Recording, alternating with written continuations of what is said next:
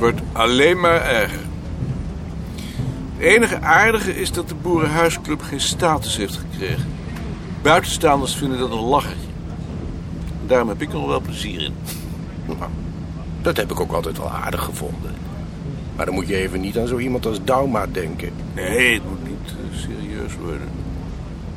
Hoewel ik om, om, om Dauma wel weer kan lachen. Oh, jawel. Ik bedoel, eh, het is een beste man. Maar is er eigenlijk iets wat jij wel zinvol vindt? Weinig. Ik heb gisteren een Chinees vaasje gelijmd. Vijf scherven. Tegelijk ingesmeerd en toen heel voorzichtig op hun plaats gemasseerd. Net alsof het vaasje in mijn handen tot leven kwam. Ik denk dat God zich zo heeft gevoeld toen hij de wereld schiep. Nou, dat zou niks voor mij zijn. Breken is zinloos, maar lijmen geeft voldoening. Maar verschilt dat dan zoveel van wat Cassis doet? Ik maak er geen club van, Nou, je zou archeoloog kunnen worden. maar dat doe ik niet. Jij doet alleen wat je zinloos vindt.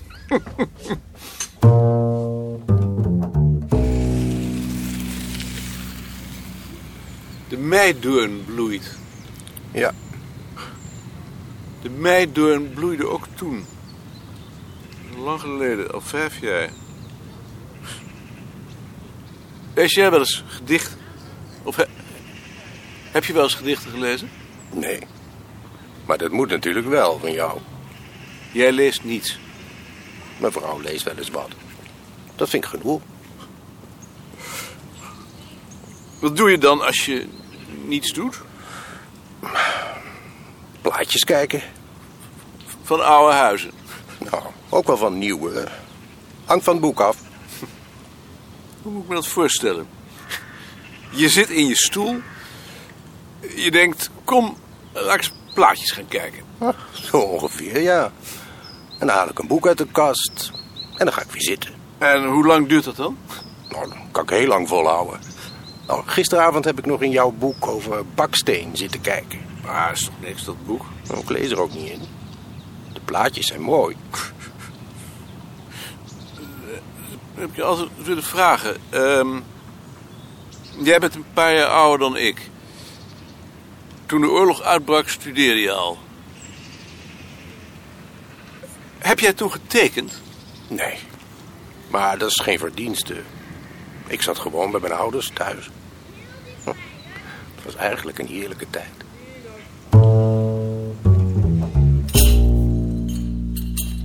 Pistelbos is ziek. Dan moet jij maar voorzitten. Ik denk er niet over. Jij bent vicevoorzitter en je bent bovendien de oudste. Wie doet het nu? Het mannetje. Eh, maar dan wel onder protest.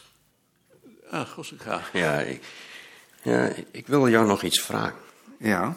We hebben volgende week de eerste vergadering van de sollicitatiecommissie. Is jou ook toevallig bekend of er onder de medewerkers van het instituut nog zijn die van plan zijn te solliciteren?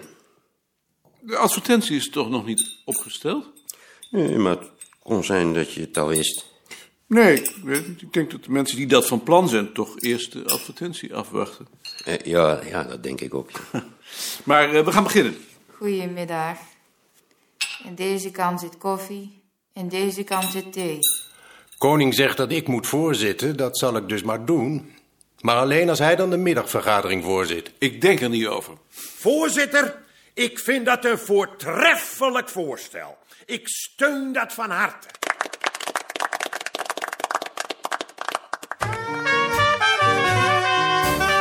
Joop, ik ben de rest van de middag naar Beerta. Ad is er ook niet. Zal ik de deur openlaten? Ja, laat maar open. Dien en ik letten wel op.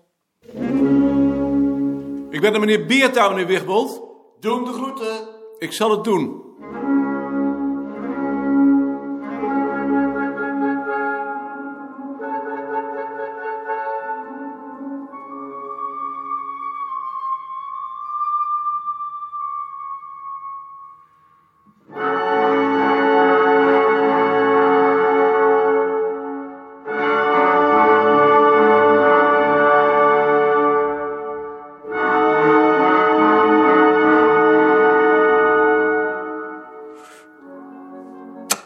Sliep je?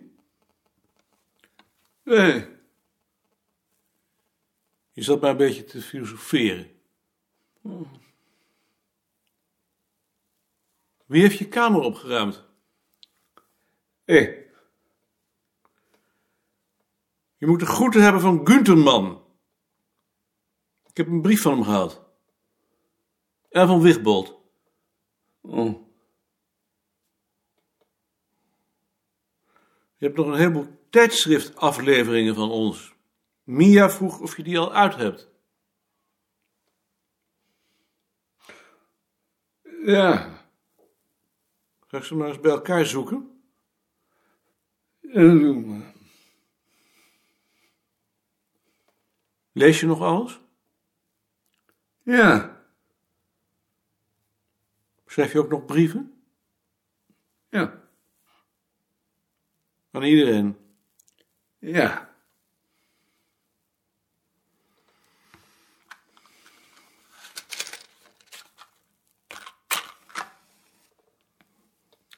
We gaan met Karel. Die zie ik nooit meer. Nooit meer? En de blauwe? Mag ik in je agenda kijken?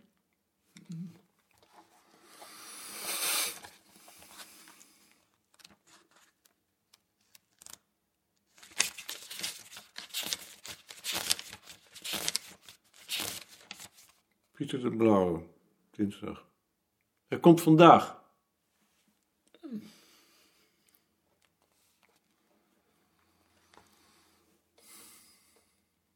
Frans Veen zit nu in een verpleeghuis in de bossen bij Hilversum. Tot hij weer geopereerd wordt. Er is een nieuw gezwel ontdekt. In zijn kruis. Dag Anton. Dag koning. Dag, Ja, Pieter. Jannie kon vandaag niet meekomen, haar moeder is ziek. Je moet natuurlijk de groeten hebben. Hoe laat in? Goed. Je moet de groeten hebben van Krijn en van Atje de Bo en van Piet Riceeuw. En dan vergeet ik er nog wel een paar. Hoe laat het, mensen?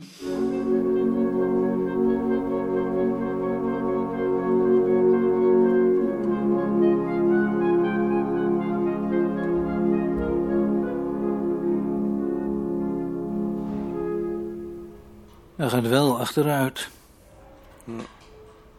Ik vraag me af of we elkaar nog vaak zullen zien. Ineens. Ik zag dat hij ook zijn post niet meer openmaakt. En dat is niets voor Anton. Maar toen hij over Middelburg begon, klaarde hij plotseling op. Als je het mij vraagt, is het laatste waar ik aan zou denken niet Karel, maar Middelburg. Heeft hij daar nou nog vrienden van zijn leeftijd? Van zijn leeftijd niet. Ze zijn allemaal zo oud als wij ongeveer. Merkwaardig. Niet zo merkwaardig. Want op het gymnasium lag hij eruit. Omdat hij homoseksueel is. Dat wist hij toen nog niet. Nee, omdat hij arm was. Middelburg is een bekrompen stadje. Zijn vader was toch scheepsmakelaar? Zijn vader had een klein kruidenierszaakje in een arme wijk. Tegen mij zei hij altijd dat zijn vader scheepsmakelaar was. Omdat hij zich daarvoor schaamt. In de crisis, toen zijn zaak niet meer zo goed ging, heeft zijn vader daar een verzekeringsportefeuille bijgenomen. Maar dat stelde niets voor. Dat is gek. Dat hij zich daarvoor schaamde. Dat is Middelburg. Tot ziens. Hoop ik. Ik hoop het. De mededeling van de Blauwe had het beeld dat hij van Beerta had ingrijpend veranderd.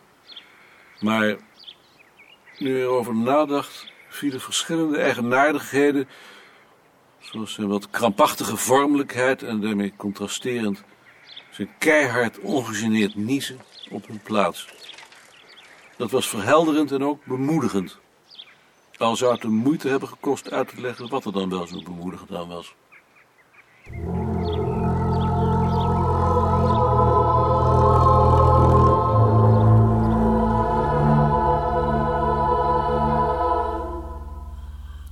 Hoe was het met Beerta?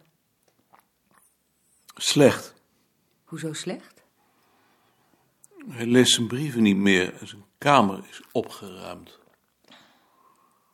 Ik heb de indruk dat hij niets meer doet en ook nergens meer belangstelling voor heeft. Wat triest. Ja, triest. Ik vond het nou juist altijd zo bemoedigend wat hij er nog van maakte. Ja. Het is triest.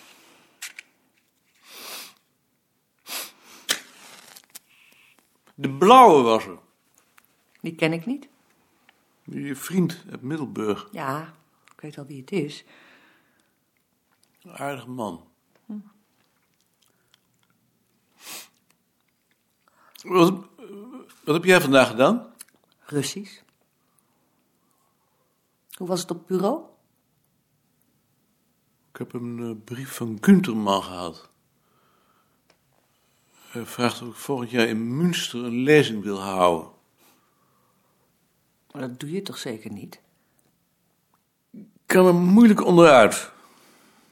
Je hebt gezegd dat je nooit meer een lezing zou houden. Ja, Soms kan je er niet onderuit, al neem je dat voor. Nee, zei je.